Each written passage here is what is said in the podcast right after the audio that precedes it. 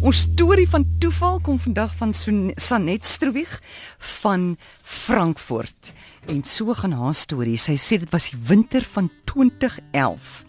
En in ons of liewer ons voertuie staan buite die motorhuise parkeer, wel net 'n tydelike reëling gewees. En ons het aan die begin van daai jaar het ons 'n klein motor gekoop by een van die lidmate in ons gemeente wat nou natuurlik buite slaap. Jy weet hy staan agter 'n veiligheidsheining. Een Vrydagoggend om en by 06:30 lui ons telefoon. Dis nog nagdonker en yskoud buite. Dis toe die persoon by wie ons ons motor gekoop het wat wil weet of daar iets verkeerd is aangesien hy ons motor op pad na Kempton Park langs die pad sien staan het. So wat was ons nie eers bewus daarvan dat die diewe die nag ons veiligheidshek netjies uit sy spoor gelig het en ons motor gesteel het nie. Nou wat hierdie storie so toevallig maak, is dat die persoon byna nooit die betrokke pad van Delmas na Kempton Park ry na sy werksplek nie. Die oggend het hy besluit om dit wel te neem.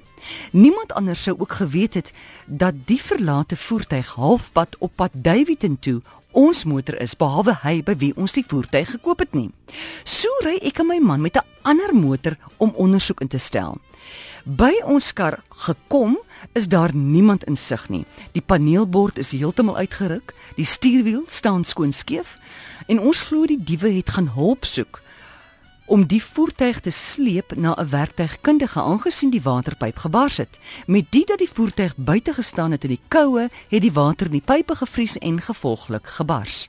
Jong, en so steel ons weer ons motor terug. Met ons sleutels sluit ons ons kar oop en skuif agter die krom stuurwiel stuurwiel in.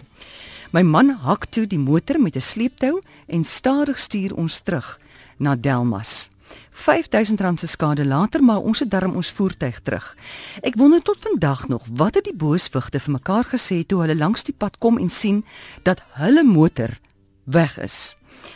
Baie dankbaar ook vir hierdie toevallig besluit of toevallige besluit van die vorige eienaar van die voertuig om daai oggend nie met die snelweg langs werk toe te ry nie. Ons was en is verlig.